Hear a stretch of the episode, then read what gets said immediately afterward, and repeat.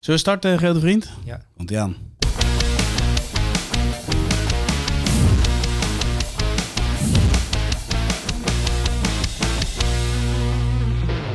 Ja, Soelie, het is dinsdag en dus tijd voor het elftal van de week. Eh, jij hebt mij bestraffend toegesproken. Dat je zei, Jarno, vorige week zat er geen lijn in.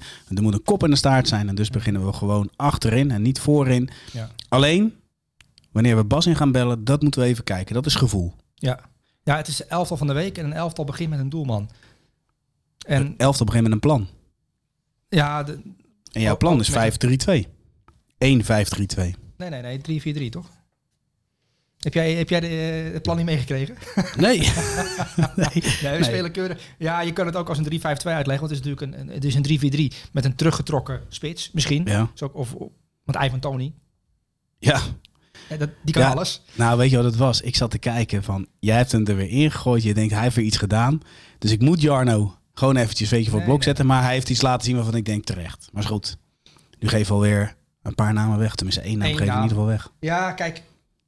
Ik heb hem geselecteerd en hij gaat mee naar het WK. En dat, dat, dat kunnen wij niet meer omheen. Hij gaat mee naar het WK. Nee, dat klopt. Ehm, en of hij daar een rol gaat spelen is, is maar de vraag. Want hij is natuurlijk reservespits achter Harry Kane. Hij kan Ehm, penalties nemen. Maar als je het hebt over ergens vandaan komen, een bepaald niveau hebben, beter worden, in de Premier League terechtkomen en nog beter worden, eh, groei.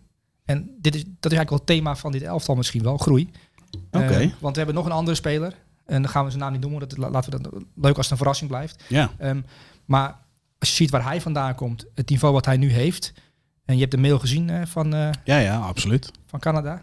Laten we hem gewoon Canada noemen. Ja, we gaan hem weer. Zeker, zeker. Michel, onze man eh, van Opta. Maar inderdaad, eh, dat is altijd contact met Canada. Zo is het een beetje ontstaan. Ja. Ehm, maar goed, laten we eens beginnen met, met de doelman. Want jij hebt me eigenlijk een beetje ja, in de maling genomen. Want ik heb naar Paris Saint-Germain zitten kijken en ik wist één ding zeker. De keeper van Marseille wordt de doelman van de week. Dus heb ik er alles van gezien. En dan krijg ik jouw mail binnen en dan zie ik een hele andere naam. Ja. Namelijk die van Gossissa. Ja, ja, Paul Lopez heb je het over van Marseille. Ja. En die keepte natuurlijk een, een, een, een geweldige wedstrijd. Nou ja. Ze hebben niet gewonnen. Ja, maar telt dat dan altijd? Al die saves van Messi, Neymar, Mbappé, Hakimi. Hij Ja. heeft, alles had hij. Dat had niet geteld als ik geen andere keeper had gezien die uit had geblonken en wel gewonnen. Maar ik heb ook de naam van eh, Kepa Arrizabalaga genoteerd. Die snap ik ook. Ehm, die pakte één fantastische Gordon Banks bal. Hè. Dat is een bal die je eigenlijk niet hoort te houden als keeper. Die pakte hij. Voormalig de keeperslegende. hè? Gordon Banks. hoeft niet uit te leggen. Toch? Nou ja, misschien zijn er ook wel hele jonge luisteraars, Ja, sorry. we zijn zelf ook jong. Dat is waar, dat is waar. Ehm, en ik had ook de naam genoteerd van Guillermo Vicario van Empoli. Oh, vertel. Nou, die pakt ook al heel veel tegen Monza. 1-0 gewonnen. En vaak als een, eh, als een ploeg met 1-0 eh, wint, is de keeper de uitblinker. Ik heb geen idee waarom, maar dat is vaak zo. Eh, en dat geldt ook voor de keeper. José Sa, die je noemde hem al. Ze Ja. wonnen met 1-0 van Nottingham Forest. En er is natuurlijk al wat aan de hand bij Wolverhampton Wanderers. Trainer weg en op- Ja. op zoek naar een nieuwe trainer. onderaan in de Premier League beland. Ehm, ze hebben natuurlijk alleen maar Portugezen en ook een Portugese doelman. Ehm, en ik wist helemaal niet dat José Sa, ik weet niet of jij dat meegekregen had, maar eh, ik, eh, als ik een keeper genomineerd heb, ga ik altijd op zoek naar recente interviews eh, of er nog wat gebeurd is. Ja. En hij blijkt al maanden te keeper met een gebroken pols. Nou, nou, snap ik dat als je een gebroken pols hebt, dan kun je tape omheen doen en dan kun je voetballen. Maar voor een keeper lijkt het me best lastig. Ik heb proberen uit te vinden of het nou de linker of de rechterpols was. Ja. Want die penalty die pakte, daar heb je wel een sterke pols voor nodig. Zeker, want hij pakte hem eh, half hoog in de hoek. Hij, hij moest, laat maar zeggen, met zijn, volgens mij zijn rechterhand moest Ja, nog een hij katachtige moest- beweging Ja, hij eh, moest ondernemen. uitstrekken en daarna ook nog eens kracht zetten. Ja. Ehm, om die bal niet eh, alsnog onder hem door te laten gaan.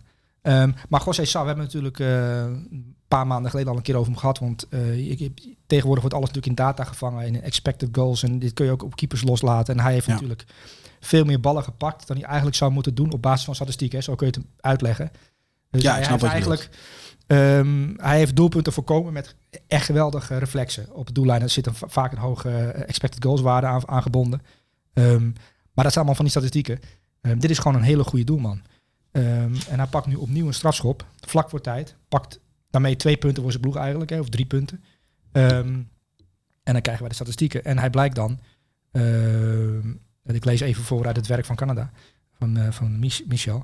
Stond ook niet voor niets in mijn elftal met statistieke monsters aan het eind van vorig seizoen. Over dit kalenderjaar heeft in de grote vijf competities alleen Rulli van Villarreal, Ja. Argentijnse doelman, een grote positief verschil tussen XG tegen en daadwerkelijke goals tegen. En dat gaat in zijn geval, of Sa, om 11,49 om 10,45.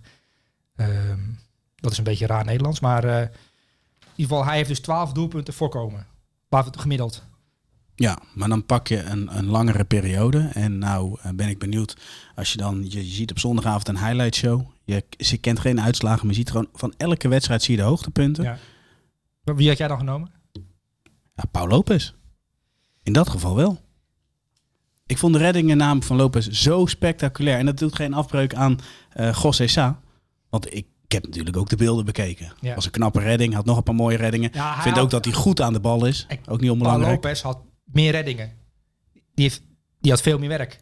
Ja. Ehm, het had een grotere score kunnen zijn als Paul Lopez eh, een mindere dag had gehad. En had het misschien 3 of 4-0 geweest in plaats van 1-0. Ehm, maar ik neem altijd alles mee. Ehm, situatie van de club, onderin. Ze hebben de punten echt hard nodig. Eh, er zit nu een interim op de bank.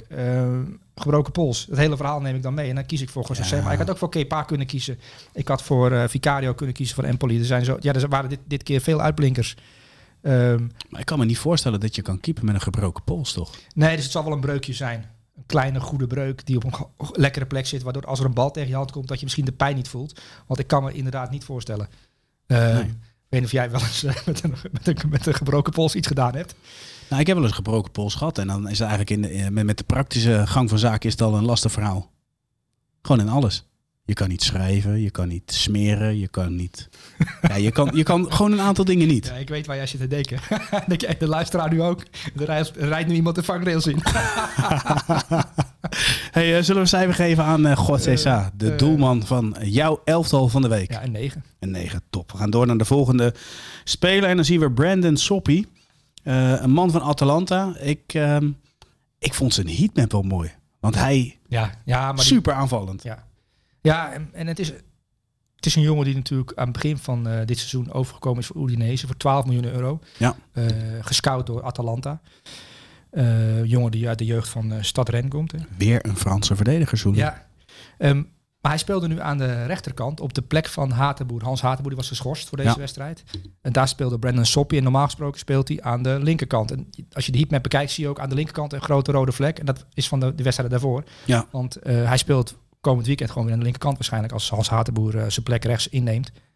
Ehm, maar inderdaad een, een 20-jarige jongen eh, die, aan die aan die rechterkant en aan, normaal gesproken aan de linkerkant voor eh, snelheid zorgt, diepgang, techniek en echt een wingback in het Atlantisch systeem. Daar kom je bijna niet aan verdedigen toe.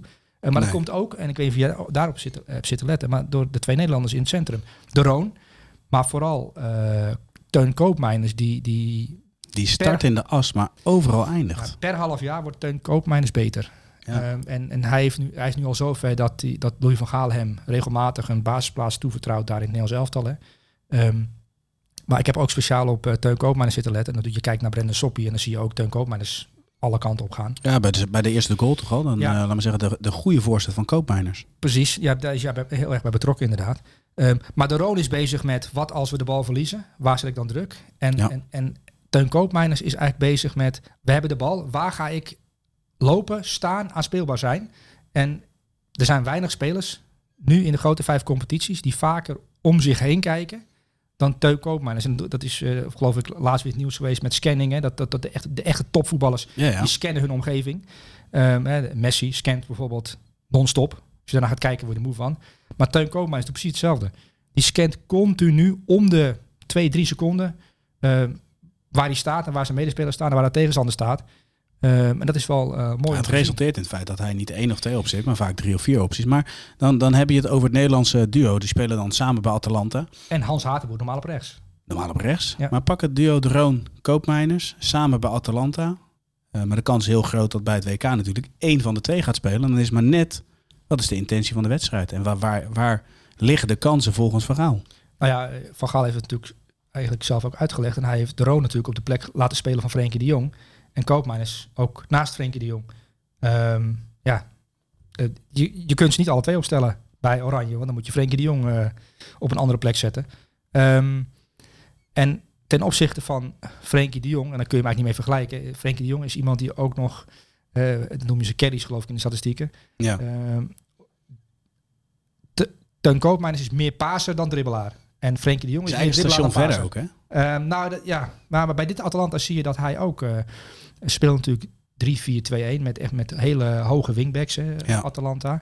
Eh, en, en de Koopmeiners en de Roon. En de Roon is dan degene die verdedigender denkt dan Teun Koopmeiners. Maar je ziet Teun Koopmeiners in balbezit ook soms eh, naast de back of naast de centrale verdediger opduiken om daar het spel, eh, de opbouw te beginnen eigenlijk. Ja. Dat deed de Roon natuurlijk ook heel, heel vaak. Ehm, maar Teun Koopmeiners staat overal in deze ploeg. Is bezig met eh, eh, ja, eh, de aanval opbouwen. En ook later op het veld als tussenstation fungeren, in zo'n in zo'n in zo'n aanval. Maar we hadden het over Brendan Soppy. En dat is een 20-jarige eh, wingback die links en rechts kan spelen. Het is wel prettig dat je als trainer hem links en rechts kunt opstellen. Hatenboer geschorst, zet je hem rechts neer. Absoluut. kan de linker wingback niet spelen.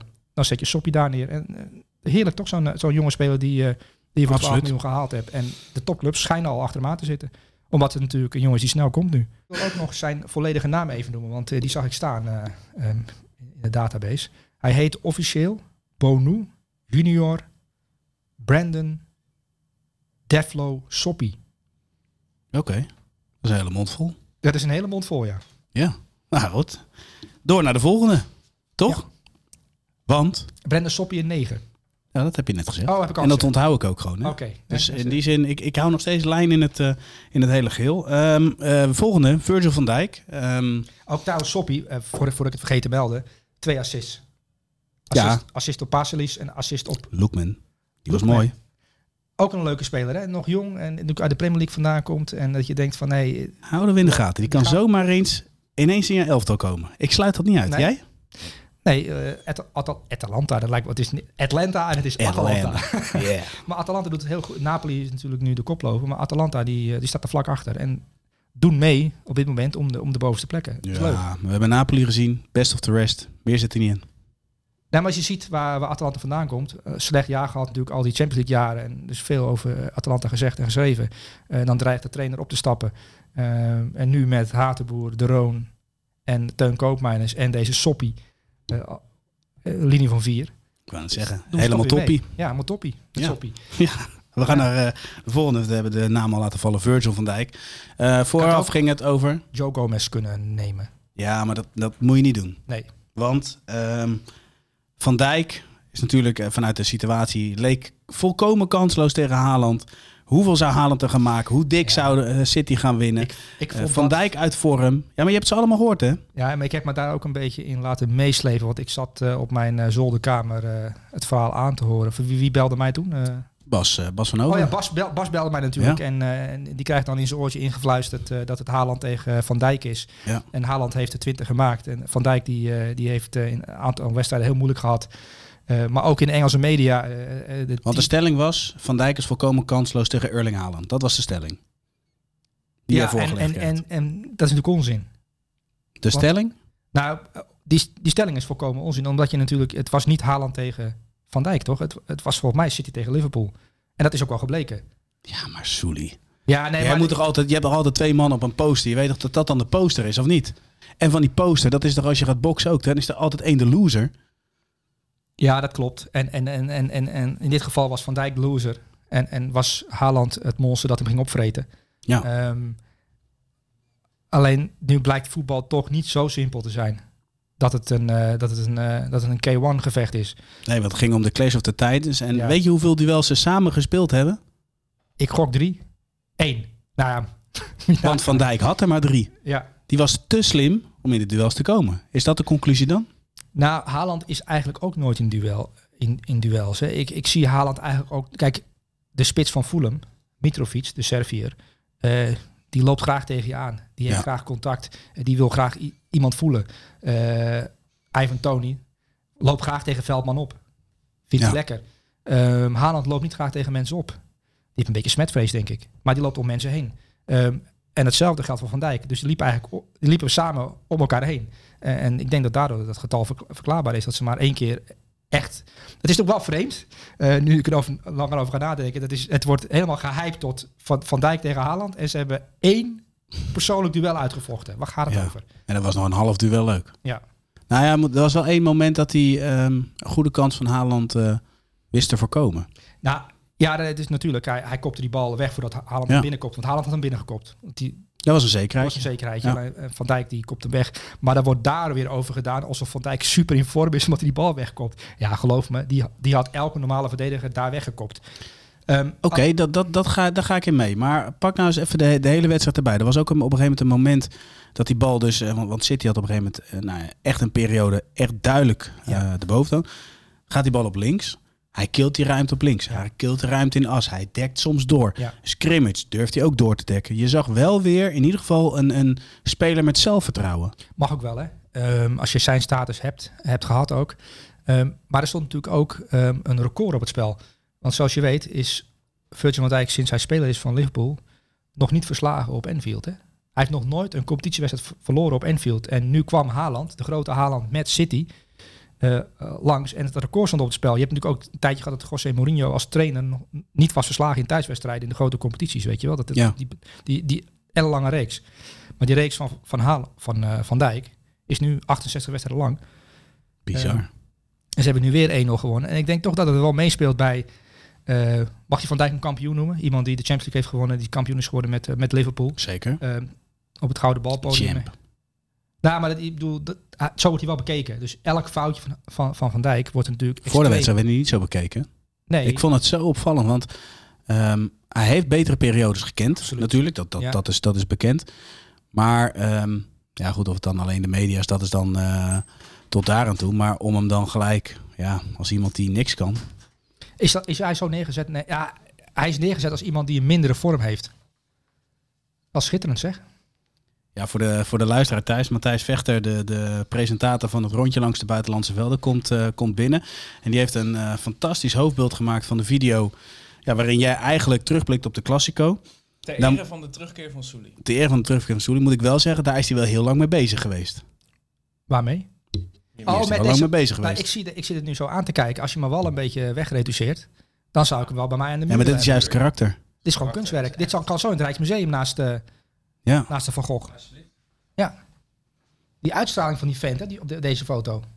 Prachtig. Nou ja, zeker. Posterboy. Ja. Maar ja, tuurlijk jongens. Maar dat, dat doet iedereen. Zoals bekend, eh, eh, Speler van de Week is, is, op, eh, is vandaag op ons YouTube kanaal eh, te bekijken. En het rondje langs de buitenlandse velden is gisteren natuurlijk al online gekomen. En is ook te bekijken. Zeker een aanrader. Maar Soelie naar Van Dijk, niks ervan kunnen gaat misschien wat ver. Maar er werd wel wat laatdunkend, is dat het? Nou, Over hij, hem gedaan? hij heeft natuurlijk ook een bijnaam eh, een beetje in dat... eh, Vochtige Virgil. nee, niet vochtige Virgil, maar van Disney. Wat dan? Nou, hij is een enorme Disney-fan, dat wist jij niet. Dat Virgil van Dijk is een enorme Disney-fan. Dat, heeft hij een keer in een interview gezegd. Eh, een tijdje geleden, een jaar geleden of zo. Oh, dat hij een enorme Disney-fan is en dat hij dat, dat graag kijkt. welke Disney film is dan zijn Nou favoriet? ja, ik heb alle Disney-films in de kast, dus ja, ik weet niet welke je wil. Eh. Nee, zijn va- Ja, joh, luister. Ik heb, ik, heb, ik heb ze ook allemaal gezien. Oké. Nou, maar eh, eh, hij gaat ook heel graag naar eh, Disneyland in Parijs. Oh, Dat moet je leuk. leuk vinden. Maar dat, en, en, en hij heeft eh, een beetje, ja, om een beetje te kleineren of laatdunken te doen, eh, de bijnaam Virgil van Disney gekregen. Omdat hij dan eh, op een kinderlijke manier soms verdedigt, weet je wel. Volgens de supporters van bijvoorbeeld City of United. Het is een beetje... is niet aardig. Rivaliteit is niet aardig. Nee. Ehm, maar dat gaat dan na zo'n mindere periode, wordt dat heel vaak genoemd. Moet je maar eens op eh, social media kijken hoe vaak van Disney wordt genoemd. En dat gaat dan over Van Dijk.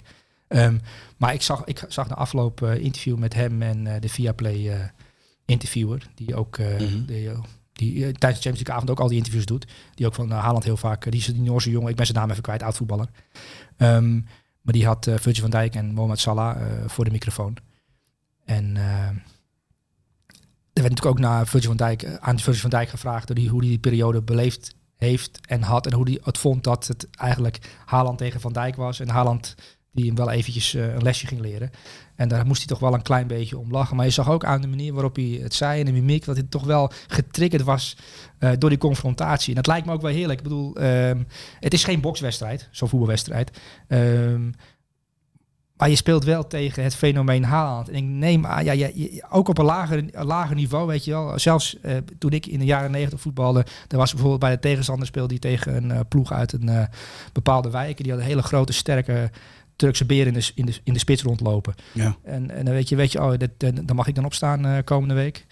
Ehm daar was je toch al een paar dagen van tevoren Ja. mee bezig dat, eh, dat je tegenover... eh, waren ook altijd van die bepaalde clubs die hadden dan echt van die reuzen staan. ja, ja, ja, ja, ja, ja. En dan was altijd een paar mensen het slachtoffer ervan. Want ik was gewoon spits. maar in zo'n wedstrijd stond ik de laatste man. Ik voetbalde vroeger niet graag tegen, tegen Katwijkse clubs. Dan moest je bijvoorbeeld tegen Quick Boys. Maar En die jongens- van vechten? Nee, Nee. nee, ik ging wel met een schoon broek het veld af hoor. hey, maar die Disney film, daarvoor terugkomen. Wat is jouw favoriete Disney film? Want het is natuurlijk ook wel...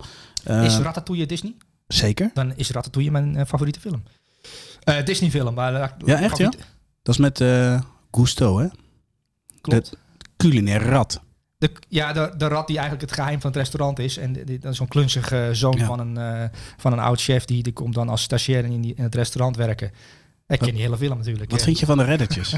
Ken je die? Ehm, de, de Redditjes vond ik vroeger als jongetje dood en doodeng. Ik heb daar nachtmerries van gehad. Van Ja, maar welke? Die eerste, dat is met die krokodil. Die ja, was ook die vrij krokodil, heftig. maar ook met die, met, die, met die heks geloof ik of zo. eh, Die, die, die, die, Ja, dat klopt. met Maar die tweede viel wel mee, toch? Dat is in Ja, Australië. ik heb het over de klassieke, de echte Redditjes. Maar Oh, de echte. we, we gaan nu wel de spelonken van Disney in, hè? De Redditjes. Zeker. Die albatros is goud, hè? Wilbur. Ja, de Die is- albatros. oh, die is ja, dat was wel een mooi moment. Als hij, als hij eh, rent die landingsbaan eigenlijk, dat hij gaat, gaat vliegen. En dan hoop je, gaat het hem lukken, ja of nee?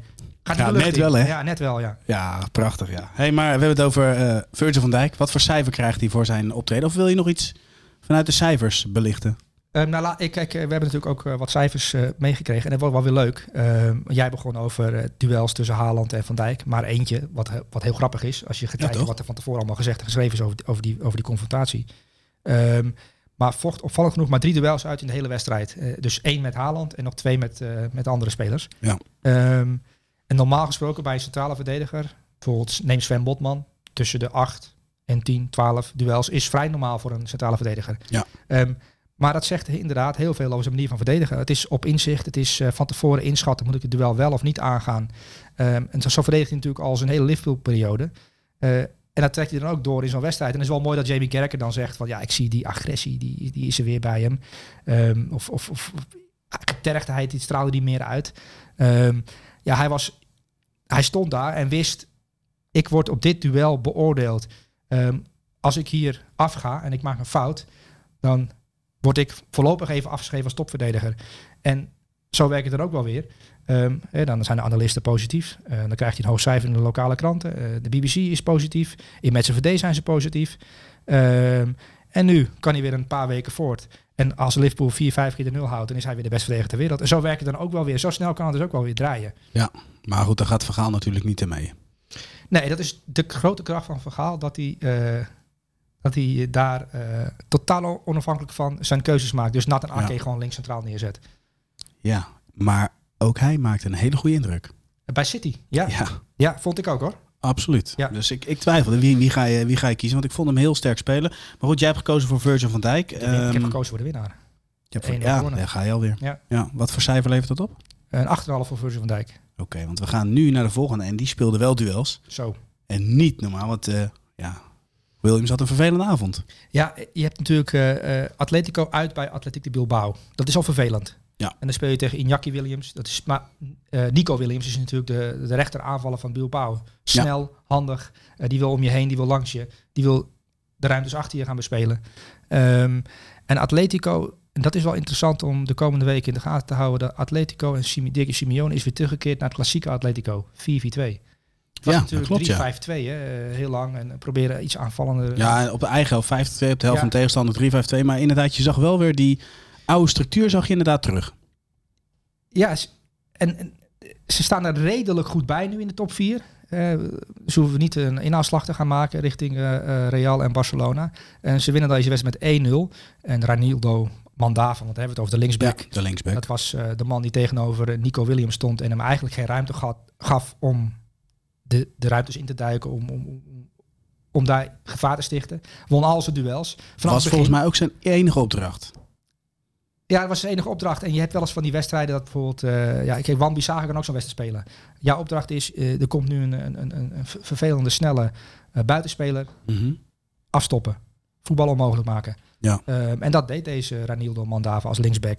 En ik denk wel dat Simeone zeer blij was met zijn optreden. Want het is wel prettig dat je linksback zo kort op een man kan zitten als je tegen Bilbao speelt en tegen die Williams. Want als je daar niet kort genoeg op zit, dan ga je daar in de eerste helft en de tweede helft eh, ongelooflijk veel problemen mee krijgen. Omdat hij er dan weer langs gaat en dan moet je er weer achteraan lopen en dan komt er een voorzet. En dat, dat zorgt alleen maar voor, eh, voor gevaar. Eh, in je eigen 16. En dat wil je natuurlijk niet. Nee. Ehm, maar dat, de, de terugkeer naar de 4-4-2 met Griezmann, die natuurlijk de doelpuntenmaker is. En eigenlijk Ja. een typische Griezmann goal maakt. Teruggetrokken bal en in die zone waar hij altijd opduikt, schiet hij hem binnen. Met, met Morata natuurlijk als eh, nummer 9 eigenlijk. Ja. En dan met Kook en Kondogbia in het centrum. Met Lemar op links. Eh, Dat zag er weer heel goed en compact uit. En eh, wellicht dat hij gaat terugkeren naar het vintage Atletico eigenlijk. Hè, van, de- van de Ja. beginjaren. Want daarover gesproken, hè, vaak, vaak hebben we het over als wij een, een back hebben. Hoe vaak gaat hij erover? Komt hij in de 16? Heeft hij in zijn, of is hij in zijn passing is hij van, van waarde? Ja, maar dat is een Nederlandse gedachte. Of de uh, Nou ja. gedachte. Ik wou het zeggen, maar deze jongen is eigenlijk gewoon echt back. Zoals je linksback zou moeten zijn. Van, Eh, van, van oudsher, hè? Ja, eh, ja, maar ik denk dat als je Reinildo Mandava bij City neerzet, dat Guardiola na 10 minuten zich afvraagt waarom die jongen niet over de mi- middenlijn eh, gaat. Maar Ja. Atletico en Simeone, die spelen natuurlijk met een, ja, noem je dat een laag blok in je trainerstaal. Die Zeker. spelen natuurlijk compact. En hij moet een aanvaller afstoppen. Dat is zijn eerste taak. En dat is zijn veertiende taak. Is eventueel als Atletico eh, op de helft van de tegenstander is aansluiten. En dan een bal als iemand vangt. Dan mag je diep gaan. Maar het is wel gebleken de afgelopen periode, ook in dat, in dat andere systeem dat ze speelden, 5-3-2, 3-5-2, dat als de backs weg waren Ja. en het gaat fout, dat dat Atletico ook wel kwetsbaar eh, is gebleken. Ehm, en Atletico moet, er- ja, moet gewoon vervelend zijn om tegen te spelen. En eh, Bilbao, ook in een goede periode zaten die. En het was wel gewoon een, echt een topwedstrijd. En het is goed dat Atletico, of knap van Atletico, dat ze die met, eh, met 1-0 uit hebben gewonnen. Ja, absoluut. En, als eh, matchwinnaar deze, deze linksback. helemaal Die, die, terecht. die, die er bovenop zat. En aan alles duels won. En ik heb hier de cijfers. Ehm gewonnen duels 12, intercepties 4 en uitgevoerde tackles 9.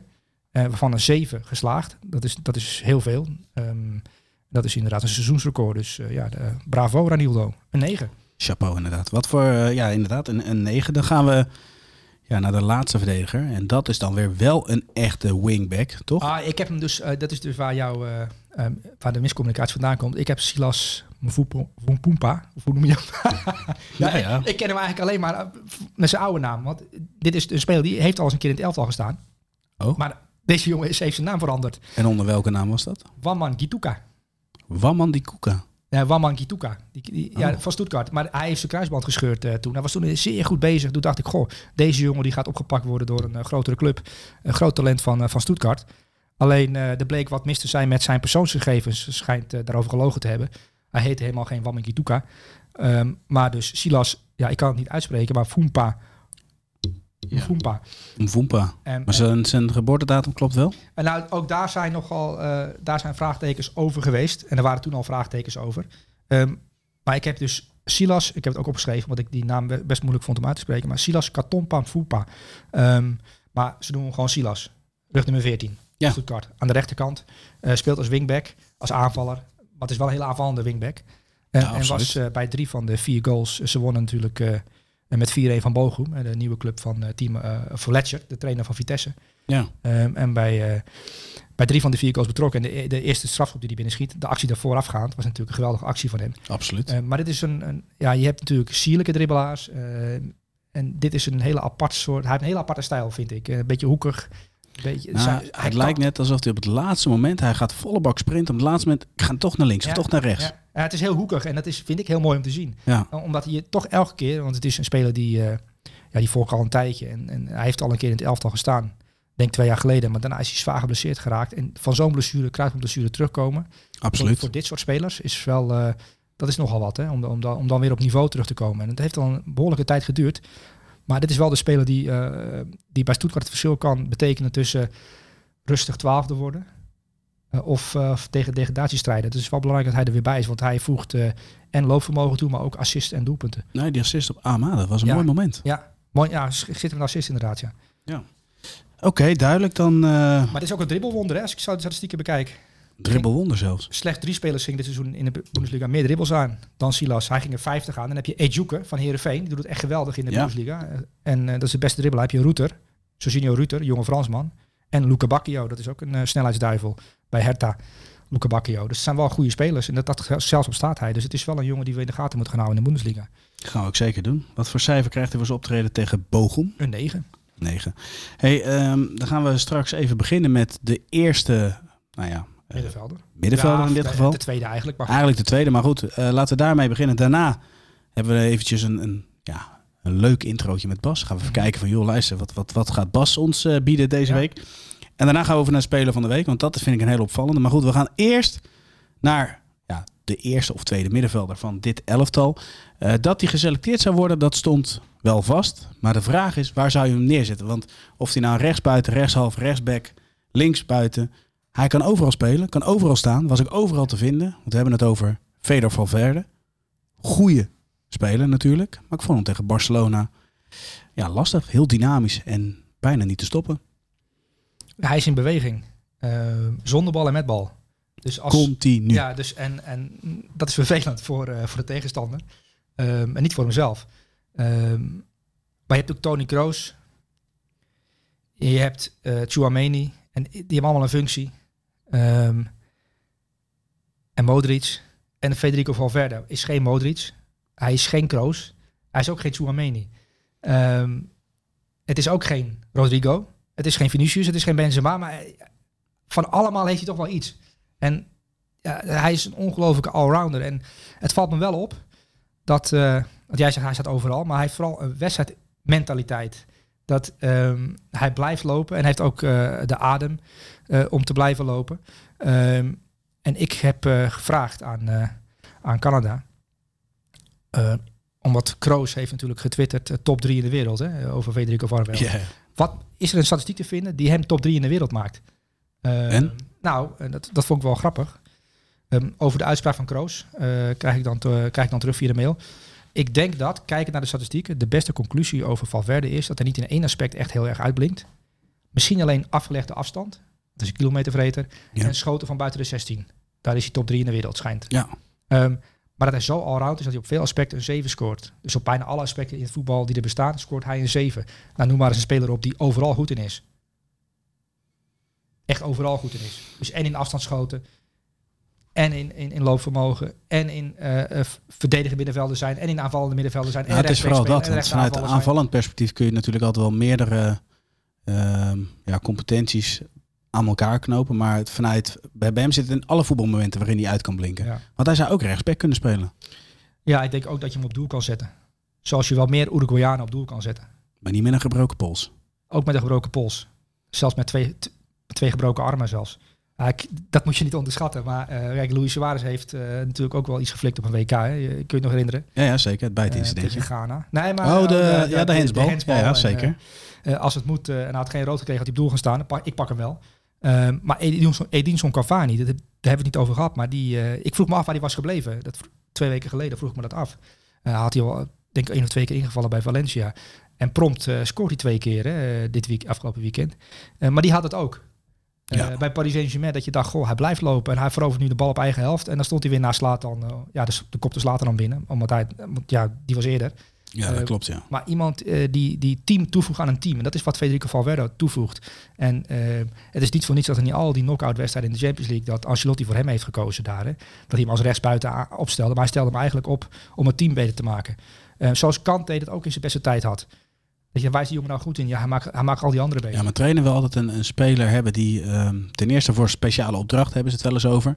Maar ook voor balans. En, en dat voegt hij natuurlijk wel echt toe. Want hij is inderdaad geen echte buitenspeler. Is misschien ook geen echte rechtshalf, echte respect. Maar Als je Mourinho vraagt wie is de beste speler ter wereld... zou die zomaar bij Federico Valverde kunnen uitkomen.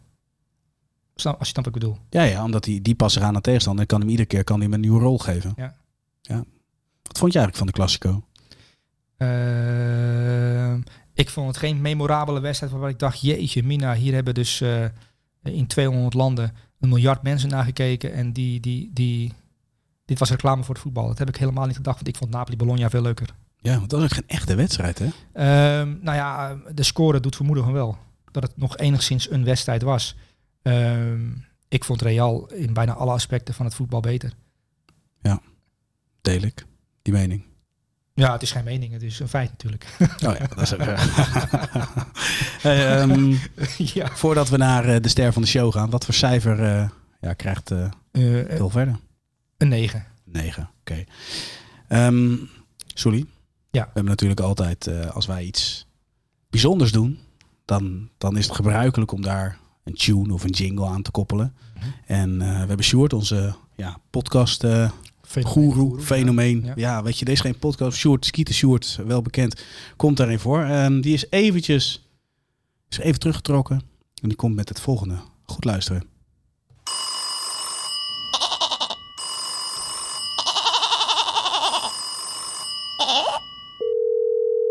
Hallo, mijn Bas. Zegt u maar. Ja, Bas, jij hangt hè? Wel een goede tune. Ja, dat is wel gênant, hè? Ja. Ja, was hij? Dit Hey. is jouw voicemail. Nou, eh, nog niet, maar eh, Ik zou hem wel is- vragen of je dat vo- voicemail mag. Want ik bedoel, dit is echt, dit is echt legendarisch. Deze Ja, tune. vind ik Ja, ook. toch? Ja, ja, ja. Veel goede, goede tune. Ja, toch? Kunnen we hem trouwens, misschien kunnen we hem ook een begin- en eindlieder laten maken. shoot. Ja, waarom niet? Ja, eh skiet kan alles, hè? Maar Bas, ik ben echt heel nieuwsgierig naar wie, wie je genomineerd hebt. Bukayo Saka. Ah, Ja.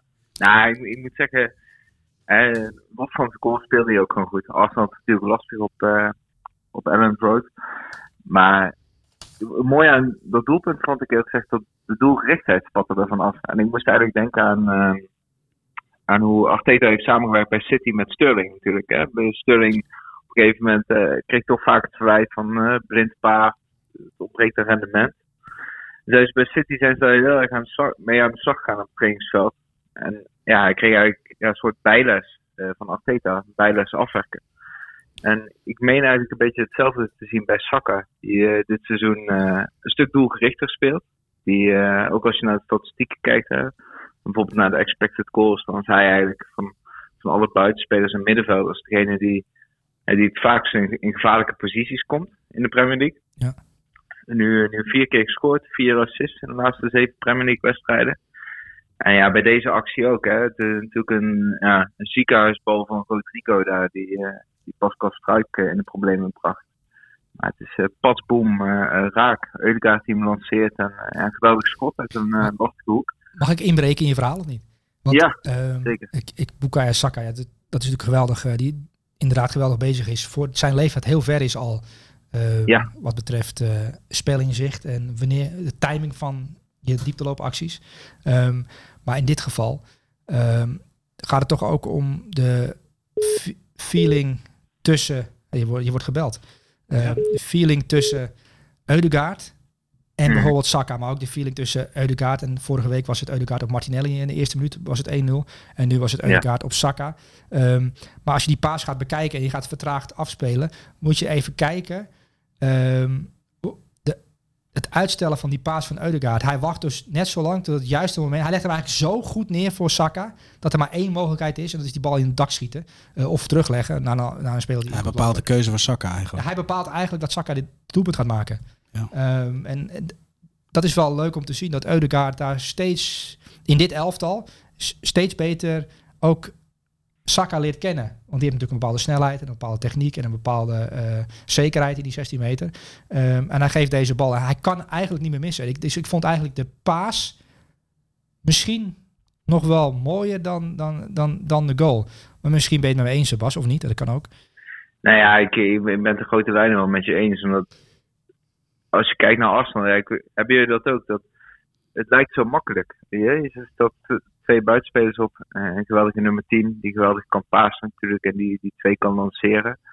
En ja, er zit gewoon muziek in. En natuurlijk is het niet zo makkelijk, want Arsenal heeft ook wel echt tijd nodig gehad om naar dit niveau toe te groeien. Maar ook hoe het spel van Eudegaard aansluit. Eigenlijk hè, op de loopacties van die twee eh, op de flanken. Ja. Ja, dat is gewoon wel heel mooi om te zien. Hey, maar Bas, als je het over Arsenal hebt, hè? als je nou voor het seizoen en waar we nu staan, is het dan überhaupt mogelijk voor het seizoen in eerste instantie dat zij kampioen kunnen worden? Eh, nee, onmogelijk. Ik denk, eh denk nu? dat je dat ook wel eh, eh, ja, iets minder onmogelijk, maar nog steeds wel onmogelijk. Sully, hoe, hoe zie jij dat? Ehm, ja, deze vraag was natuurlijk vier weken geleden ook al actueel en toen vond ik het onmogelijk. Ehm, maar je ziet nu ook dat ze de lastige wedstrijden, die verloor, daar ligt, liet Arsenal eigenlijk heel vaak punten liggen. Zij zijn nu, ze zijn nu eh, een topteam geworden. Eh, ze Arsenal was natuurlijk al jaren een topclub, maar ze hebben nu weer een topteam. Ehm, en in de onderlinge grote wedstrijden, eh, daarin kan je laten zien hoe ver je echt bent en in hoeverre je misschien de Champions League kan winnen. Dat soort eh, toernooien. Um, Ja. Maar Arsenal liet vaak in wedstrijden dat eh, de tegenstander zeer fysiek speelde bijvoorbeeld. Lieten ze dan weer punten liggen. Maar ik, zie- ik zie dat dit, dit elftal kan. Ehm, tegen Leeds in een, in, in een lastige omgeving. Want Leeds uit is lastig. Eh, met die druk en met de manier waarop zij druk zetten en het loopvermogen dat ze hebben. Zij kunnen pijn lijden eventjes 20, 30 minuten in zo'n wedstrijd. En dat overleven ze dan. Ook omdat die defensie, daar was natuurlijk nooit stabiliteit. De, de, de centrale duo's die, die vielen over elkaar heen. En dan had je die weer, en dan had je die weer. Dan was die weer linksback, dan, wie, dan was die weer geblesseerd. En nu staat er echt al het hele seizoen met Ben White, met, met Saliba, met Gabriel. En met de linksback. Dat kan Sinchenko zijn, maar dat kan, eh, dat kan Czerny zijn. En dat kan Tomiyasu zijn. Weet je wel. Um, maar er is redelijk wat stabiliteit achter. Zeker het centrale duo. Dat staat als een huis. Um, en het staat zo goed dat Ben White uit moet wijken naar, naar de rechterkant. Dus maar, sorry, ik denk dat, ja? zou het kunnen? Ja, ik denk het niet. Nee, dan, dan um, ben ik benieuwd. Ja, het mooie is wel uh, bij Arsenal... Sorry hoor, maar... Nee, uh, jij, bent, uh, jij bent nu de ster van deze rubriek, dus ik, ik wacht even. Ja, als je kijkt naar die bank bijvoorbeeld, hè, de, in de voorbije seizoenen was het toch vaak zo. Een lange tijd was het bij Arsenal zo dat het spel werd eigenlijk om Özil, Lacazette of Aubameyang heen gebouwd. Hè, ja. Net wie in vorm was. En nu zie je gewoon echt een duidelijk patroon. Ook als je naar die bank kijkt, die, die selectie is stiekem gewoon wel een stuk breder geworden. En ze zijn eigenlijk gewoon gaan werken met bepaalde profielen. Als Eudegaard naar de kant gaat, dan komt Fabio Vieira erin. Ja. Hetzelfde type, hè, net zo behendig tussen de linies. Jesus is een spits ja, die bekend staat om het druk zetten. Uh, en de catcher valt dan in de laatste 20 minuten vaak in. Uh, daar spat de energie ook vanaf. Dus je ziet echt heel duidelijk dat ze ja, eigenlijk de filosofie uh, van Arteta ja.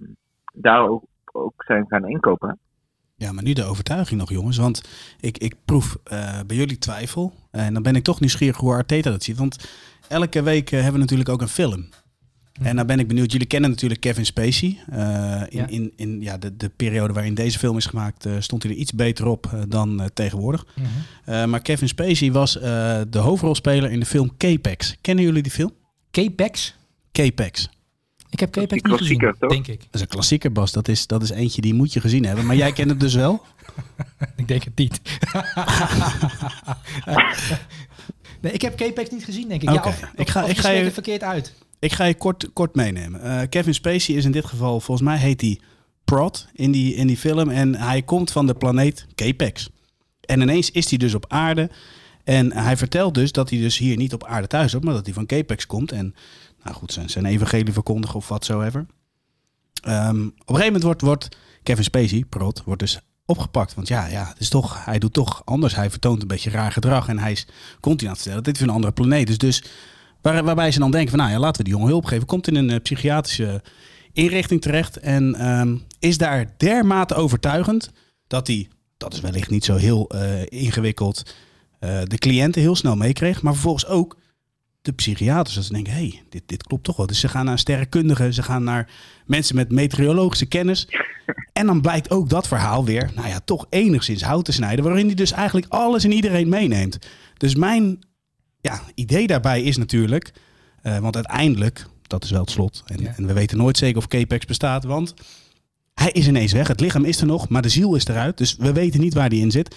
De hele uh, afdeling van, de, ja, van die psychiatrische instelling, laat maar zeggen, wilde mee, stond te wachten. Eén bewoner is spoorloos verdwenen sindsdien. Dus misschien op K-Pax, misschien niet. Dat zullen we nooit weten. Maar het feit dat ze ervan overtuigd zijn dat K-Pax bestaat, is eigenlijk... Arteta moet ze meenemen naar K-Pax. Ja, ja. Nee, goed verhaal. ja, Bas, ja, ik, ik... Jij, jij hebt de film gezien. Herken je dit een beetje? Ja, maar ik moet wel zeggen dat... Ja, ik betwijfel of het vanavond massaal gedownload wordt. Ik, het is een mooie film, maar... Nou, dan onderschat jij onze invloed. Het klinkt warrig. Want ik, ik heb een keer meegemaakt dat Ruben en ik uh, zaten te geinen over de neef van Haaland.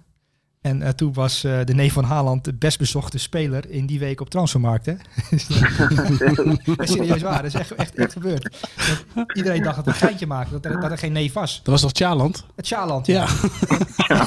Tjaland was die week de best bezochte uh, speler op Wikipedia.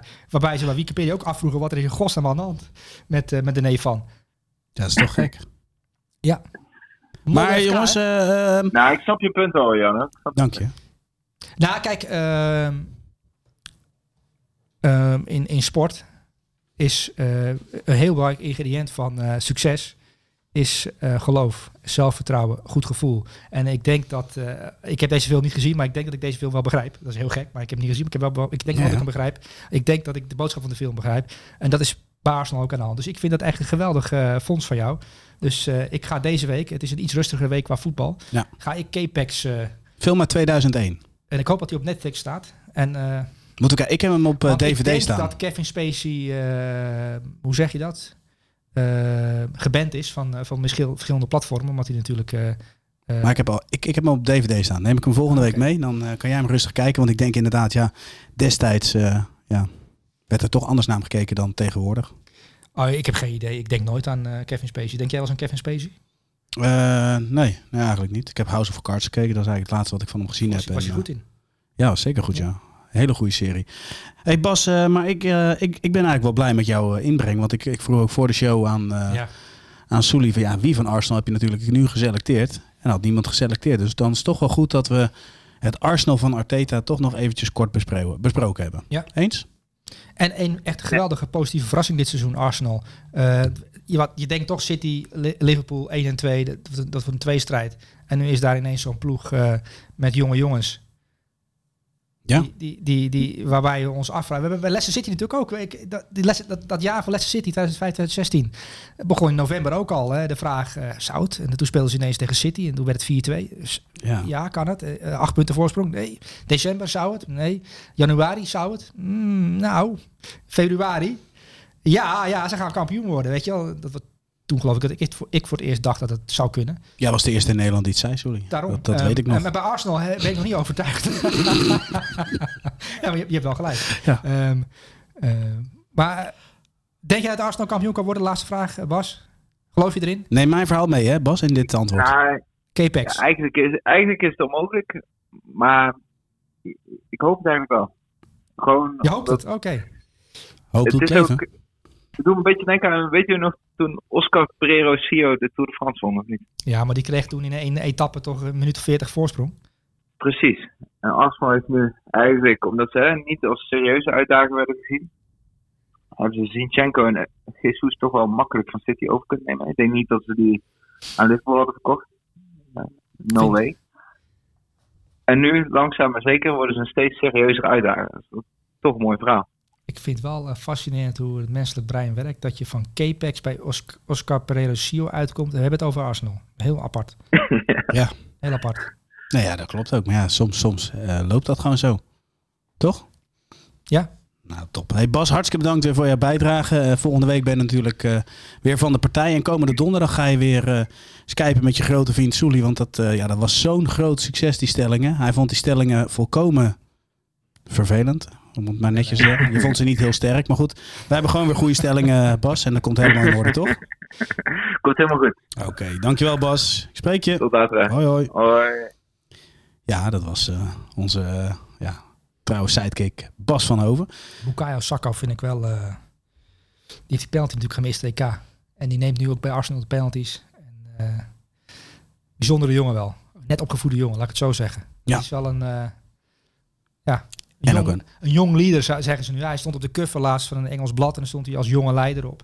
Maar hij is van deze jonge eh, bende waar Arsenal met Eudegaard en zo. Het is wel echt een, eh, eh, ja, iemand die verantwoordelijkheid neemt ook. En wel mooi dat Arteta hem ook dat zelfvertrouwen geeft. En zo vaak opstelt. En met Martinelli samen. Echt een leuke jonge ploeg.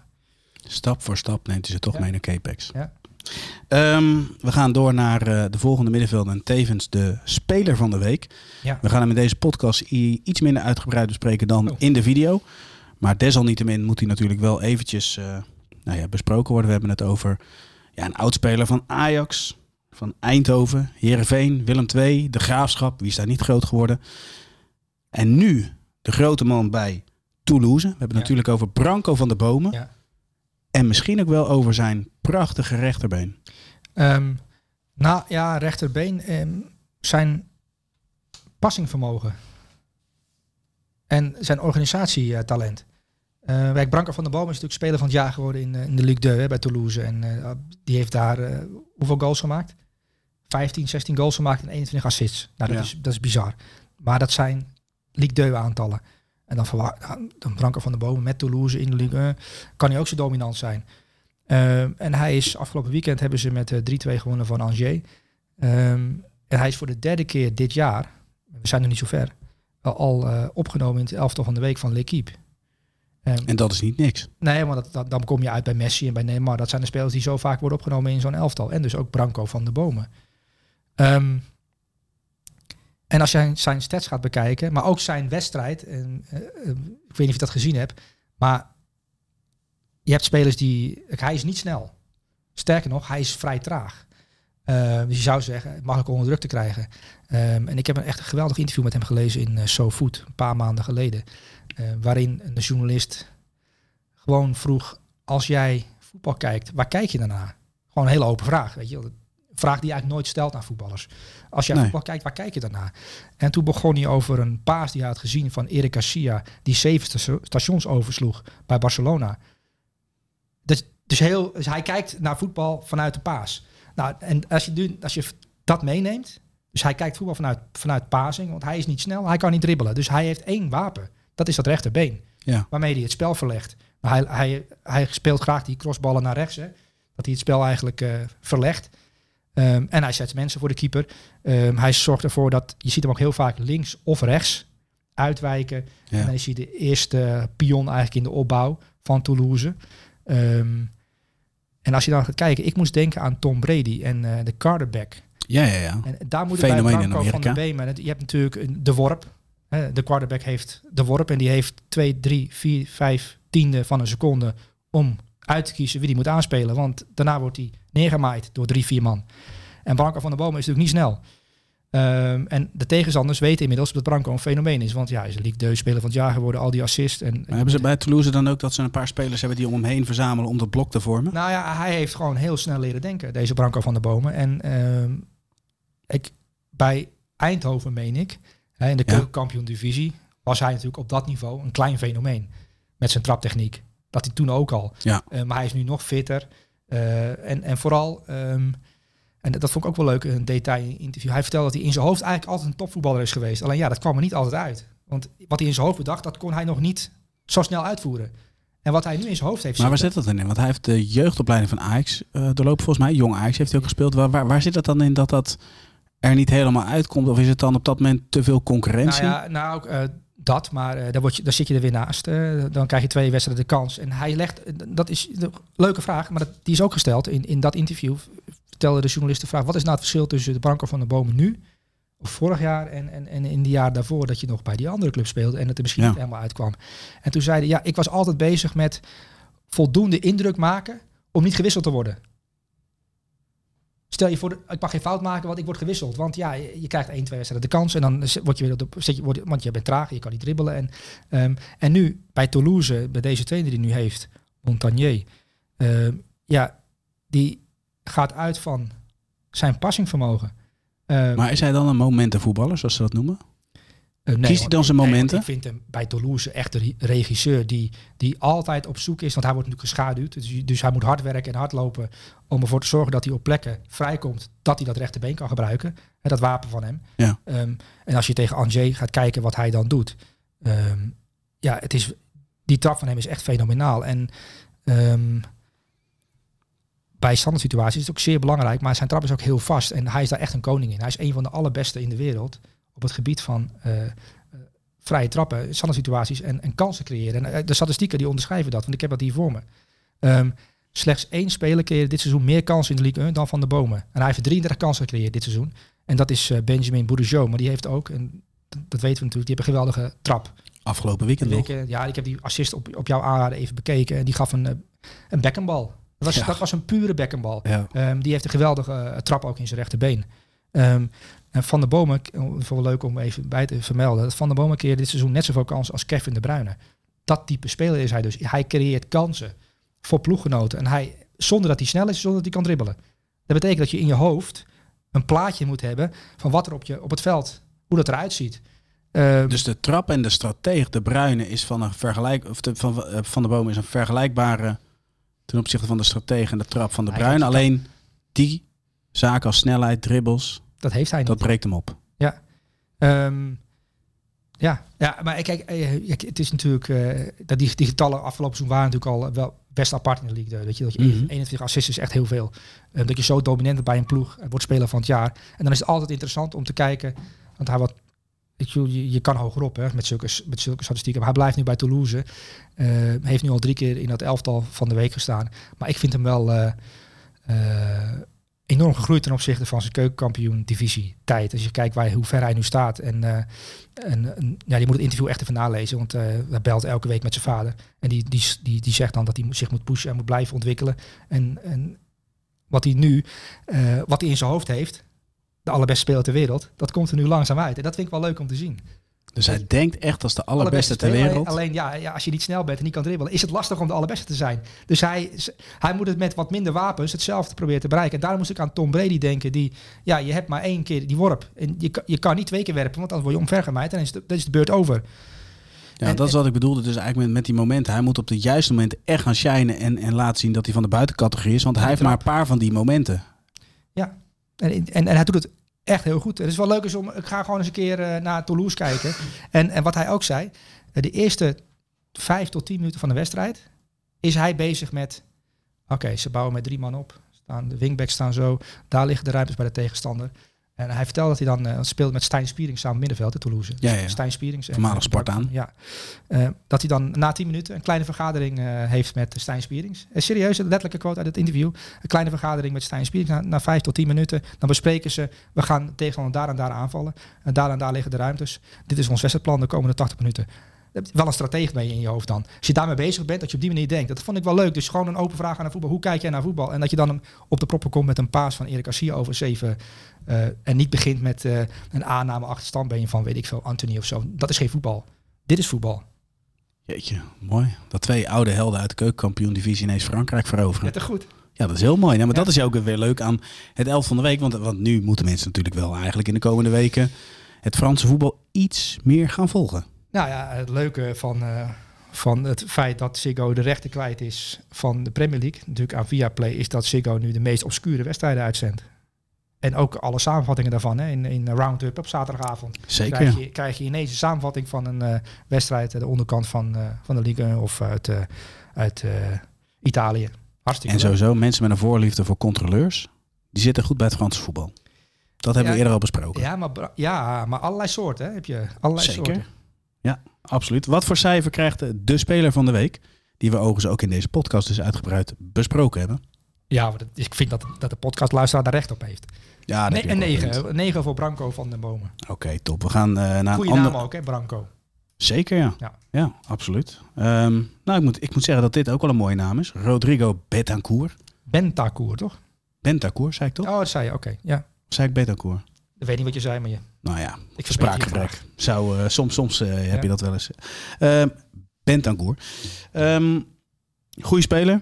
Mooie middenvelder. eh, sierlijke middenvelder. Ja. Wat me opviel bij Spurs is bij de assist niet zozeer dat hij die paas op Kane geeft. Dat hij dat ziet. Dat hij hem neerlegt. Dat weten we dat hij, kun, dat, hij dat kan, laat maar zeggen. Maar de loopactie. En dat viel me eigenlijk in die wedstrijd wel meer op. Dat hij heel veel beweegt zonder bal. Ja. En zo kenden we hem toch niet zo bij Nee. Juventus? Ehm, nou, het is natuurlijk iemand... Hij doet mij een beetje denken aan de voetballer Frenkie de Jong. Het is de Uruguayaanse Frenkie de Jong. Ehm, want als je naar, naar Tottenham gaat kijken en hoe die ploeg in elkaar zit en hoe die ma- machine eigenlijk beweegt, hè, dan heb je achterin drie man. eh, met, met Romero, de Argentijn, rechts Ja. vaak. Eh Dyer heb je dan natuurlijk achterin lopen. En dan, en dan Ben Davies vaak op links. En dan heb je Hooiberg, Pierre-Emile Hooiberg. En je hebt eh, controleur. Bentancur. En Hooiberg en Bentancur zijn eigenlijk de twee controleurs. Maar wat mij opvalt bij Tottenham is dat er altijd één iemand altijd aanspeelbaar is. In de eerste fase van de opbouw. En dat is Bentancur. Die, is, die verstopt zich niet. Die is altijd aanspeelbaar. Ehm, en dat is zijn functie in die, in, in die machine van Conte. Is hij dat radertje. Dus eh, als je een molen wil laten draaien, heb je een radarwerk nodig. Hij is het radarwerk van dit eh, Tottenham elftal van Conte. Ehm, dus je kan wel een rare aankoop, Bentancur overnemen van Juventus. Daar een beetje mislukt toch, weet je wel. Zo, zo iemand die eh, rond de middencirkel om zijn eigen as draait. Toen werd, zo, er werd een beetje over hem gezegd. Ja, dat maar is niet heel groot- bewegelijk. Maar dat Toen. zijn grote... Ja, maar het, het, het- in dat systeem van, van Conte... Dat is natuurlijk eh, ja, 3 3-4-3, 3-5-2, hoe we het noemen. 3-4-2-1. Ja. Eh, met eh, met eh, Richarlison natuurlijk en Son achter Kane. Wingbacks. En dan Rodrigo daar, ja, die is en verdediger en middenvelder. En, en kennelijk nu ook een soort van halve aanvallen. Omdat hij natuurlijk die assist gaf op uh, Hooiberg. Uh, die die goal afmaakte natuurlijk. Um, maar hij is in beweging. Zonder en met bal. En als hij de bal niet heeft en als Tottenham van achteruit uh, aan het voetballen is, dan is hij altijd een optie. En als Tottenham dan het middenveld is overgestoken, dan is hij voor de andere middenvelders, de wingbacks en de aanvallers ook een optie als tussenstation. Dus hij is eigenlijk iemand die de bal rond laat gaan. En hij voegt nu iets toe omdat de tegenstander natuurlijk op een gegeven moment in, ingesteld raakt op hoe die machine in elkaar zit. Dan kan je kijken en denk, ja, dat is bijna voorspelbaar. Ja. En de onvoorspelbaarheid zit hem onder andere nu in die loopacties die hij maakt. En Hooiberg trouwens ook. Dat is de volgende fase van, uh, van, van, ja, van Conte eigenlijk. En het elftal verder brengen. En tot doet het heel erg goed in de Premier League. Hè. Die staan er, we hebben het over Arsenal. Maar een leuk elftal om naar te kijken. Ik zei inderdaad in de introductie dat die assist op Kane was. Dat is natuurlijk niet zo. Maar daarmee zie je ook gelijk de bewegelijkheid. Want Hooiberg was voorheen altijd puur de controleur. Je Ja. ziet wel dat elftal steeds in beweging is. Maar dat de posities ook bezet blijven. Die bezet blijven, ja. Ja, ja dit, dit Conte is niet zomaar een trainer. Dat is echt een goede trainer. Ja, Uh, en, en, en ik kan me nog herinneren dat uh, we hier in de studio, of hier in de, op redactie, een, een, programma moesten maken toen Vitesse tegen Tottenham speelde. Dat was de eerste wedstrijd van, van Conte. Die ja was toen Chris Tempelman in Londen toen, hè? Chris Tempelman voor de, voor de fanshop uh, in, in Londen. Ja. En, en wij, hadden, wij in de studio. En, en toen waren we benieuwd of we het gingen zien. Hè, het Conte voetbal. Ja, eigenlijk, als we er nu op terugkijken, wie, wie waren wij om te denken dat na één wedstrijd Conte dat erin heeft uh, geramd? Natuurlijk niet. Dat, duurt, dat doe je een jaar over. Maar nu zie je dat het er echt, uh, met Perez is op links, die nu vaste kracht is. En, ja. ja en, en, dit middenveld met Ben, Bentancur. Um, en ik zat te denken, zet Frenkie de Jong neer op de plek van Bentancur en je weet niet wat je ziet bij dit Tottenham. Want die is nog natuurlijk wel beter dan deze Rodrigo Bentancur. En eigenlijk dezelfde soort voetballer vind ik dat.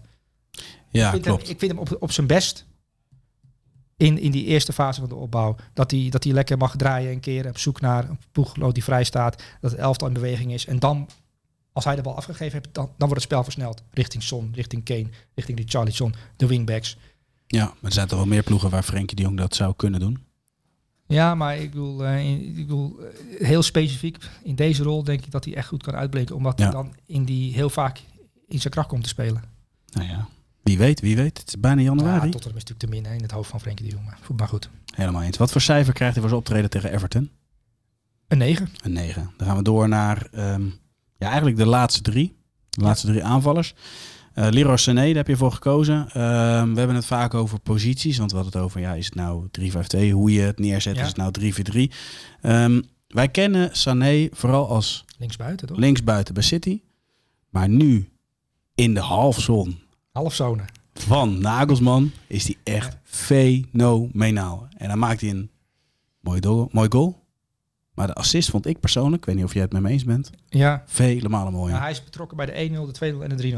Um, het gaat allemaal via hem. Ja. Um, rechtstreeks of indirect. Maar um, kijk, het is altijd leuk bij dit soort trainers dat als het niet loopt, het, het loopt niet bij Bayern, of het liep niet bij Bayern München in de competitie. Uh, druk op Nagelsman en uh, Oliver K. moet uitleggen dat ze het nog in hem zien zitten. Ik, dat soort teksten komen er dan van de voorzitter. Ja. En, en, en, en, ja, moet ik wel, dure trainer. Ja, en, en, en de, Nagelsman onder druk. En wat gaat er dan gebeuren? Hoe, hoe gaat hij dat elftal ervoor zorgen dat het elftal beter gaat rijden en gewoon zijn wedstrijden wint. Want daar gaat het natuurlijk om. Dat ze gewoon ja. met 5-0 winnen van Vrijburg. Um, en dan zie je toch uh, Leo Sané als spelmaker. Jij noemt dat in de, in de halfzone. Um, um, Mane op links, Gnabry op rechts. Choupo-Moting in de spits. Choupo-Moting in de spits. Denk je, waarom staat Choupo-Moting dan in de spits? Ze hebben toch Mane gehaald als opvolger van Lewandowski. Maar dat liep niet. En, en, en dan, is hij toch, dan zie je dat hij een sleutel is aan het elftal. Met één, één rode draad of één vaste... Een kapstok. Één, nou ja, Kimi. Die natuurlijk altijd goed Oh, ja, ja, tuurlijk. Daar, daar, hebben we het eigenlijk altijd. De opperscanner. Ja, dat is, dat is over scanners. Ik zou eigenlijk een top 10 van voetballers willen maken die, die scannen. En uh, we hebben het natuurlijk gehad uh, over het scangedrag van, uh, van Teun Koopmeiners. Ja. In, in, in, nou, heel lang geleden, in deze, deze podcast. Um, maar Kimmich, ik denk dat hij nog meer scant dan, uh, dan Teun Koop. Die, dat is eigenlijk gewoon een, een voetballende scanner. Ja. Dat is niet normaal hoe, hoeveel, hoe vaak hij omkijkt. Ja, die heeft echt, echt alles gezien. Maar ik zou dus speciaal naar Bayern München gaan een keer in het stadion. En dan gewoon alleen naar Joshua Kimmich kijken. En dan, ga ik, dan moet je in de afloop de, de uitslag vragen. Want ik heb geen goal gezien. Ik heb alleen maar naar Kimmich gekeken. En dan het, het aantal scanmomenten tellen. Xavi kwam, geloof ik, is het toptijd bij tot 800 scanmomenten in de wedstrijd. Dat is wel ongeveer de max van de max. Ja, zou hij daar overheen kunnen gaan? Nou, Kimmich kijkt net zoveel als, als Xavi. Die zit op, op, ik denk dat hij op 750 tot 800 van die scanmomenten zit in zo'n wedstrijd. Eh, moet, moet jij eens nagaan, ga jij eens nou auto rijden?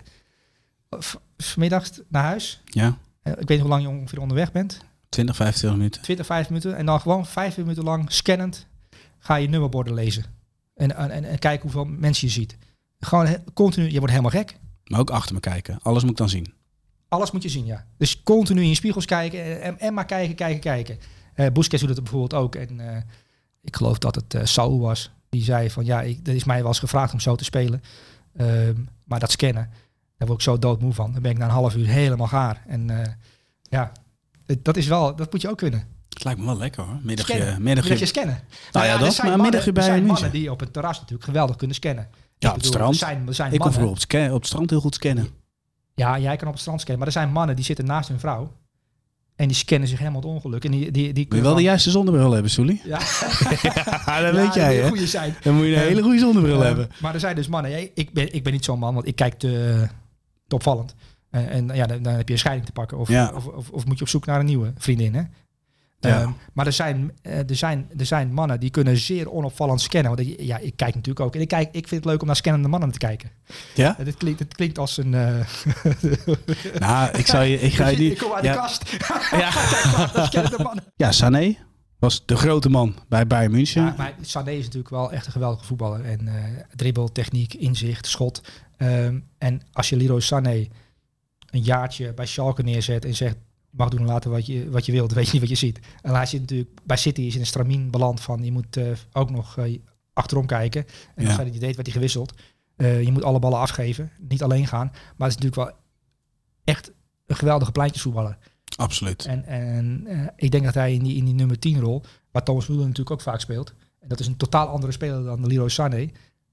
Maar het is wel een andere tienrol dan de tienrol die de bij Schalke had. Want toen speelde hij echt, echt Ja. als, als ja, spelmaker. Ja, was een fenomeen hè, op jo- jonge leeftijd. Hij. Absoluut. Geweldige speler. Ja. Nou, bij, bij City is het natuurlijk anders gebruikt. En nu zie je wel weer een beetje Maar die, ja, dat briljante van toen Dat terug. WK komt eraan.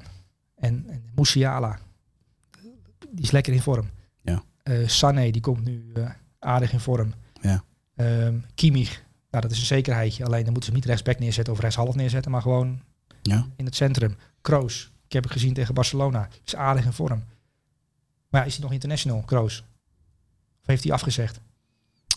Weet ik eigenlijk niet. Ja, volgens mij is hij international af. Eh, maar dat gaan we checken. Maar dat kunnen we niet in de podcast eh, checken. Dus eh, misschien kan je het nu even checken. Zal ik volgens even mij is- checken? volgens maar mij is ga, door met je verhaal. Ehm, nou ja, dat is toch wel lekker voor een monster dat er een paar spelers in vorm zijn. Dat je kunt opstellen. Alleen helaas hebben ze geen spitsen. Maar moet je, moet je niet, zoals, zoals jarenlang eigenlijk, Bayern München is natuurlijk altijd een geweldige elftal. Moet je niet gewoon kijken van joh, ja, eh, de, de plekken waar geen Duitser staat, dat je daar op zoek gaat bij een andere club? Of is dat te kort door de bocht? Dat is ongeveer hoe het moet, ja. Dat is hoe Hansi Flick het toch deed. Ja, hier staat, even kijken, Eh, ja, dat hij even tijdelijk afscheid neemt als international. Oké. Ja, wat is tijdelijk?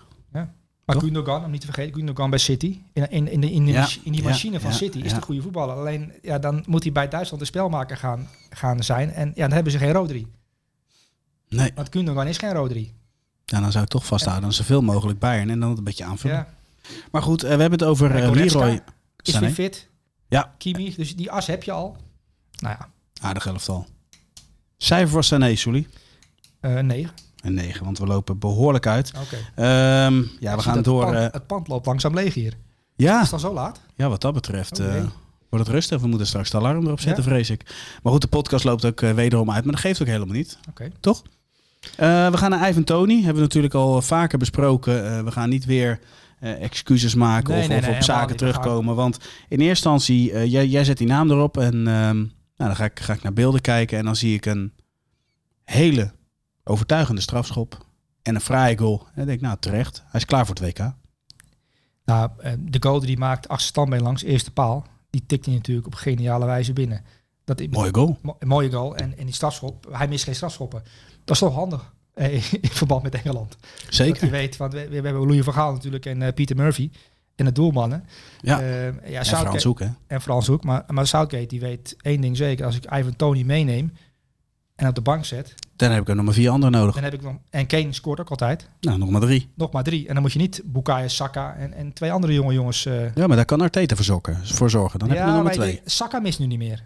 Nou, dan heb je er nog maar twee. Nog maar twee. Dus, dus dat Engeland na strafschoppen een wedstrijd winnen in de knock-out fase is nu eigenlijk, staat nu eigenlijk al vast. Ja, dat is geregeld. Eh, dat is geregeld. Maar Ivan Tony. ehm,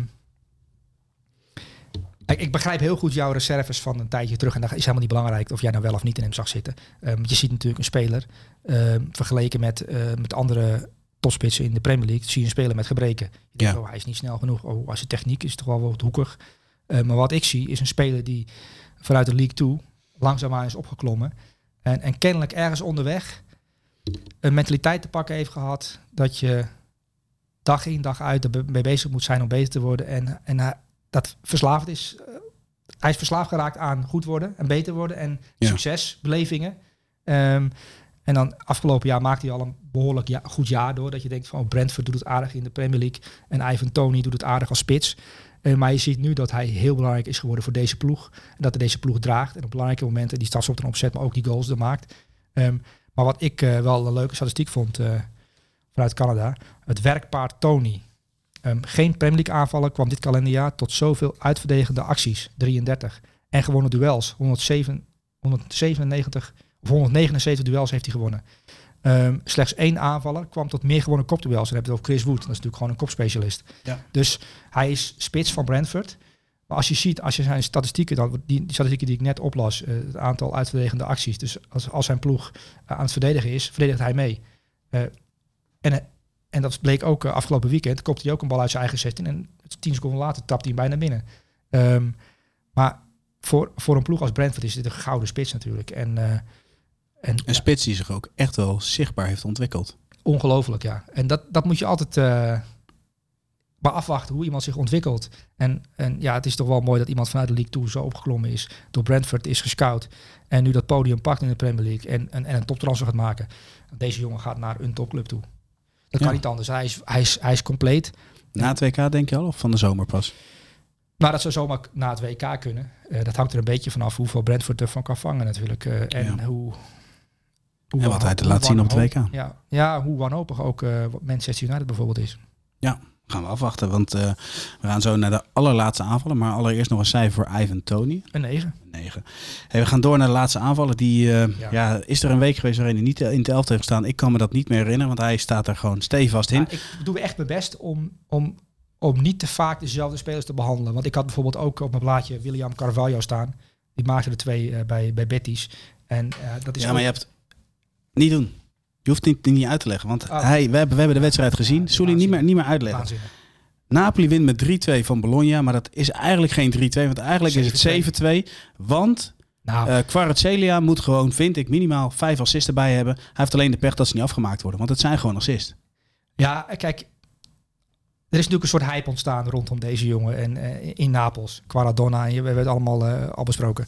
Ehm, eh, ook tegen Ajax hè, ontdekt een, een, een deel van Nederland ontdekt dat er een dribbelaar loopt bij Napoli en ook Jorge Sanchez. Maar ja, toen stond hij al drie keer in een elftal, hè? Eventjes, ja, ja, eh, nee, maar dus, dus, dus dan speelt hij tegen Ajax, ook in Napels, aan de linkerkant. En hij maakt eigenlijk de, de, de rechtsback belachelijk van, Ja. van, van Ajax. Ehm, maar dan, spe- dan speel je een paar dagen later tegen Bologna. En in de eerste 20 minuten van die wedstrijd. ehm, ja, jij zegt 7-2. Maar ik denk dat die twee, drie ballen zo klaarlegt. Dat je ze Ja, alleen nog maar hoeft binnen te lopen. Ehm, en die worden dan gemist. Ehm, maar wat ik ook. eh, als hij vier kansen gecreëerd in die wedstrijd. Dat is echt heel veel voor een, eh, voor een aanvaller. Ehm, maar die paas op Victor Osimhen. Ik heb die- het is een geweldige dribbelaar. Iemand die in één tegen één goed is. Ja. Maar die paas is Messiaans goed. Hè? Dat is een paas die, die, die precies perfect in de loop. Net lang. Want hij schat de idiote snelheid die Osimhen aan de dag Ja. kan leggen, schat hij in. Ja, Osimhen gaat diep. Die raast langs zijn tegenstander. En die bal die gaat daar. Die bal is net. Die is zo goed. Dat die tegenstander er net niet bij kan. En dat die bal perfect in de loop komt van Osimhen. En, en die rolt dan een beetje ja, op zijn Osimhens af. Ja. Die gaat dan via en dan gaat hij erin. Ehm, maar wat een spelinzicht heeft deze dribbelaar. Niet normaal. en Eh. er was één paas, Soelie, die vond ik nog mooier. Welke denk je dat het is? Ehm, dat weet ik niet welke paas jij doelt. Raspadori. Ja, ja kijk, en Dat was ook omdat hij met zijn rug naar hem toe stond en toch heeft gezien. Ja, en, en, en je vraagt je af, want dat, ik, ik had het dus aan tijdens City Liverpool. En hij, hij loopt een beetje, hij heeft natuurlijk zijn sokken wat omlaag, hè, en Ja, die ja. dunne beentjes. Ja. Dus hij loopt er een beetje bij als iemand die met een Aldi-tas richting de, denk, de supermarkt slentert. Aan de linkerkant, een beetje, een beetje afwezig. Maar eh, hij zit wel om zich heen te kijken zo. En dan komt die bal. En dan begint hij met voetballen. Ehm, maar wat je ook ziet, en dat is ook wel leuk, en, en ja, jij, jij hebt het nu over deze paas, en dat is, dat is terecht. Maar Spalletti heeft daar iets over gezegd, uh, begin van het seizoen. En, ik- ik zag hem spelen toen in die eerste wedstrijd. Ik was nieuwsgierig naar Napoli. Hoe, hoe, hoe staat Ja. dat? Wie, wie speelt er allemaal? Eh, en dan zit je naar hem te kijken. denk oh, wie, is die gozer? Ja, weet je, Ja. v- vrij goed in die eerste wedstrijd al. En dan ga je op zoek naar eh, zijn achtergrond. En dan eh, blijkt hij in de voorbereiding ook al een aantal vriendschappelijke wedstrijden te hebben gespeeld. Dat, dat de vaste Napoli-watchers dachten van, goh, ehm, we kennen deze jongen niet. En in de selecties zelf ook, op die trainingen. Hij dolt iedereen helemaal kapot op de trainingen. Dat je denkt van, ehm, ehm, eh, is, is dit wel legaal, weet je wel? Zo goed. Ja. Toen dan vond er een kleine hype, alleen eh, dat kan. En, en dus we zijn nu een aantal wedstrijden verder. En dan heeft hij ook in de Champions League tegen Trent Alexander-Arnold laten zien. Tegen, tegen Liverpool was hij echt fenomenaal. Hij was tegen Ajax goed. Ehm, en ook in dit soort wedstrijden maakt hij nu het verschil. En speelde hij goed? Dat is de, dat is de vraag die ik... Want hij kreeg eh, allemaal 8 en 8,5 in de kranten. En dat krijgt hij elke week in de Italiaanse kranten. Maar ik vraag me af of hij goed speelt. Dus Dit moet je uitleggen. nou, ehm, ik ben bang dat hij nog beter kan. Dus, dus dit is iemand die kennelijk... Maar waar, waar zit dat in, dat hij nog beter kan? Is dat dan, eh, moet zijn omgeving nog veranderen? Zie je dan nog een... Ja, een- dat een- ze hem beter snappen en dat hij die ploegen... Want hij speelt voor het eerst met Raspadori samen en met Osimhen. En met, en met, eh, met Labotka en met al die jongens. Het is alsof jij eh, bij City eventjes een, een linksbuiten, Rafael Leao, neer, neer, neer, neergooit daar. Ja, op de plek van Jack Grealish bijvoorbeeld. En dat hij dan de eerste tien wedstrijden het hele spel naar zich toe trekt. Jongens, geef de bal maar mij. Ik weet wel hoe het hier werkt. Dat is toch raar? ja. Terwijl je al wel eh, met, met, met Zielinski en in ja, eigenlijk nog extremer vorm zie je dat met Lobotka. Die speelt natuurlijk heel vaak aan tussen de linies. Ja. Maar eigenlijk zeg jij dat de aanvallers gewoon werkelijk alle kanten op kunnen lopen. Want die bal komt toch wel. Eh, ja. Dat zeg ik Dus eigenlijk. gewoon maar wat doen en hij lost het op. En nou, zo, zo ziet het er wel uit bij hem. Ehm, maar wat ik wilde zeggen over Spalletti. eh, Spalletti is natuurlijk een, een, een filosoof, maar ook een tacticus. Ehm, die kan in, in persconferenties kan hij echt geweldig over voetbal praten. Ehm, en die zei over Kvaratskhelia dat hij eigenlijk geen idee heeft wat hij doet. Hij heeft geen idee wat hij doet. Dus dat moeten we nog leren. Ja. En, en dat bedoel ik mee van, ja, stel je voor dat hij, dat hij ook nog eens de kwaliteit die hij heeft, echt die pure kwaliteit, Ja. dat hij op een geraffineerde wijze gaat inzetten. Dat hij ook weet van, oké, ik ga nu die kant op bewegen om het tegenstander uit te lokken en dan kan ik die paas geven. Want hij doet het nu op gevoel. Maar stel je voor dat het ook nog iets van slimheid, sluwheid of intelligentie bij komt. Want het is een gevoelsspeler. Iemand die gewend is, ik, ik, ik krijg de bal en ik dribbel iemand kapot. Dat is wat hij doet. Eh, maar je ziet nu ook, naarmate de weken vorderen, vind ik hem... Want op een gegeven moment tegen Bologna krijgt hij ook in de tweede helft... zie je hem ook vaak, jij noemde het de halfzone of de halfspace... Ja. Hij duikt daar ook vaak op om ja, bij de tegenstander, de centrale verdediging of de rechtsback.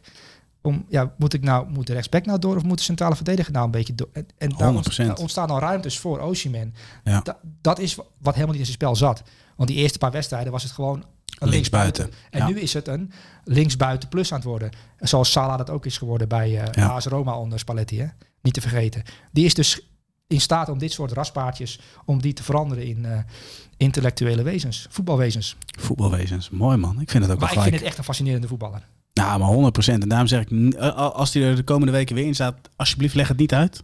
Gewoon, gewoon doen. Gewoon, ge- ja, nee, als, je, als hij erin hoort, hoort hij erin. Maar ik heb eigenlijk, eh, de, ja, ik leg de grens, of de, de lat natuurlijk wel hoog voor, voor, eh, voor spelers. Ja. Eh Erling Haaland komt er eigenlijk alleen nog wel in bij een hattrick. Alleen ja, wat doet Erling Haaland dan? Ja, dan maakt hij gewoon een hattrick. Dus ik vrees ervoor dat eh, we, de- er, zijn, er gaan weken komen dat Haaland en Kvaratskhelia eh in de aanval staan. En dat er eigenlijk maar één aanvaller zich nog in het elftal kan spelen. Omdat, ja, eh hattrick is, is nominatie. Ja, wie weet. Ivan Tony er weer bij. Nou ja, Het zou zomaar kunnen. Maar ik vind het wel een mooie, mooie afsluiter. Want ik, Napoli, hè? mooi. Genieten van je weekend. Dat is een mooie afsluiting ook van deze aflevering. Ehm, wat voor cijfer krijgt hij tot slot? een 9. Een 9. Oké, dan. eh, Ja, dan is dit weer het elftal van, van deze week. We gaan richting de anderhalf die uur. film nou van, eh, van Kevin Spacey? K-Pax. K-Pax. Daar moet je echt kijken. Oké.